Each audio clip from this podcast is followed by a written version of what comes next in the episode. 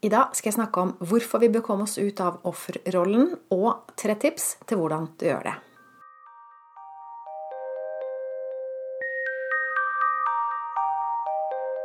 Jeg heter Line Strandvik. Jeg jobber online som personlig veileder, hvor jeg hjelper deg tilbake til sannhet, hvor livet er ekte og meningsfylt. Jeg har de seneste årene hjulpet hundrevis av mennesker, menn og kvinner, etter vanskelige skilsmisser. Og er det noe jeg har hørt mye om, så er det offerrollen. Det er mennesker som føler seg som et offer for eksen, eller føler at barna er et offer for eksen. Men offer kan jo være mye. Det kan være at du føler deg som et offer for dårlig barndom, som et offer for hva arbeidsgiveren din utsetter deg for, eller kanskje du opplever en venninne som sladrer om deg. Kanskje er du forelska i en gift mann som du aldri får. Kanskje finner du aldri den rette.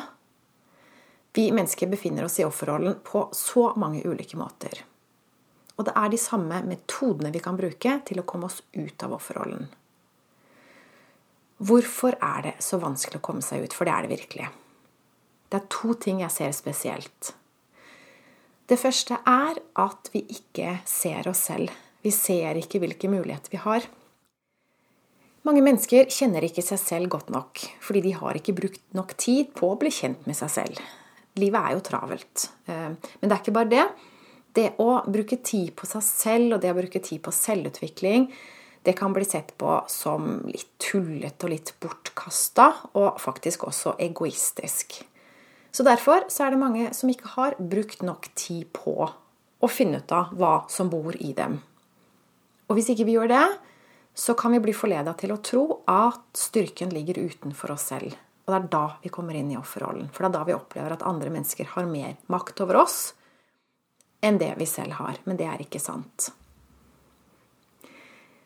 Den andre grunnen til at det er så vanskelig å komme seg ut, det er det at når vi befinner oss i offerrollen, så får vi oppmerksomhet. Så får vi kjærlighet fra andre mennesker.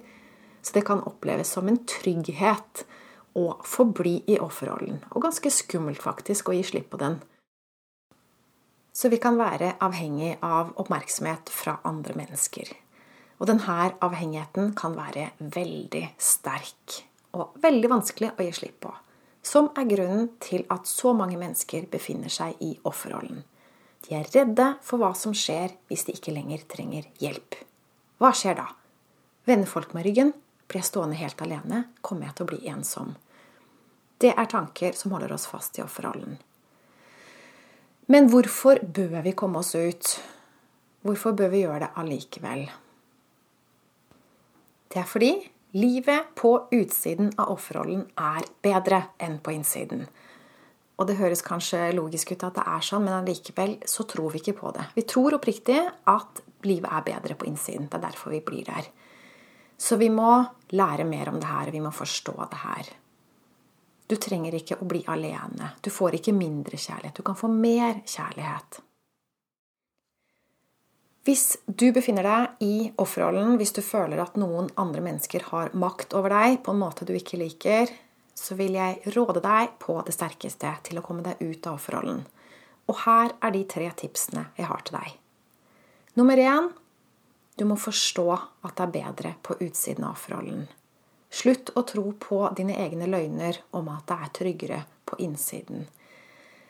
Se at du er bare redd for et eller annet. Men eh, det er bedre å tenke sånn at ja, jeg vet at det er bedre på den andre siden, men jeg er redd. Og det er greit. Men ikke lyv for deg selv. Ikke tro oppriktig på at det er bedre på innsiden, for det er det ikke. Og det andre tipset mitt, det handler om at du må rydde opp i hodet. Du må begynne å bli bevisst om hva du tenker, for det er du som holder deg fast i denne offerrollen. Det er du som har makten. Det er ingen andre mennesker som har makt over deg. Du er allmektig i ditt eget liv, men du ser det ikke fordi du ser ikke hva du tenker. Så det jeg vil starte med, er å skrive ned hva du tenker om situasjonen. Og så vil jeg at du skal identifisere det jeg kaller røde tanker. Røde tanker det er tanker som gjør vondt å tenke. Og når du har funnet dine røde tanker, så skal du finne ut av hva er det som er viktig for deg. Hva er verdien? Hvor vil du hen? Hva er målet? Skriv ned det. Og når du vet det, så skal du flytte fokus. For det du er vant til å gjøre, det er å tenke på hva andre mennesker bør endre på for at du skal få det du trenger. Men det skal du slutte med. Nå skal du fokusere utelukkende på hva du må gjøre for å få det du trenger her i livet. Og det å ta seg selv på alvor, det er gjerne der det starter. Så bare det å skrive ned hva som er viktig for deg, hva er mine verdier, det setter i gang en prosess. For noen ganger så er du ikke engang klar over hva som er viktig for deg. Så det er noe med å ta seg selv på alvor og kjenne ut hva, det her er faktisk viktig for meg. Det er noe jeg har nedprioritert, men nå vil jeg opprioritere det. Nå vil jeg prioritere det. Og det er ikke sikkert du vet hva du kan gjøre for å gi deg selv det du trenger, eller for å gi barna dine det de trenger, hvis det handler om dem. Og hvis ikke du vet det, så trenger du kanskje å lære det. Da trenger du å lære mer om det. Så da må du oppsøke informasjon og prøve å finne ut av det. Men da er du i gang. Da er du på riktig spor. Så det var det andre tipset. Og det tredje tipset, det handler om at det er ikke gjort på en dag. For å skape varig endring så trenger du å overvåke tankene dine i tiden som kommer. For du kommer til å sprette tilbake til utgangspunktet. Du kommer til å falle tilbake i offerrollen igjen, for sånn er det. De fleste av tankene våre er ubevisste, så hvis vi skal endre på tankene våre permanent, så trenger vi å jobbe med det her over en periode. Jeg har klokkeklar tro på at du kan komme deg ut av offerrollen. Du har alt som skal til. Men hvis du ønsker litt hjelp på veien, så stiller jeg meg til rådighet, vet du. Jeg tilbyr online-kurs og samtaler over telefon. Og hvis det her er noe du kunne vært interessert i, så ta kontakt med meg på linestrandvik.no klarhet. Her kan du bestille en 20 minutters gratis introsamtale, og så kan vi se om det kan bli til et samarbeid eller ikke. Det er helt uforpliktende. Så husk på det at en situasjon er aldri fastlåst. Det eneste som kan være fastlåst, det er dine tanker om situasjonen du befinner deg i. Men tankene dine kan du endre på. Når du gjør det, så vil du se at løsningen kommer. Takk for denne gang. Vi høres i neste podkast. Ha en fin dag.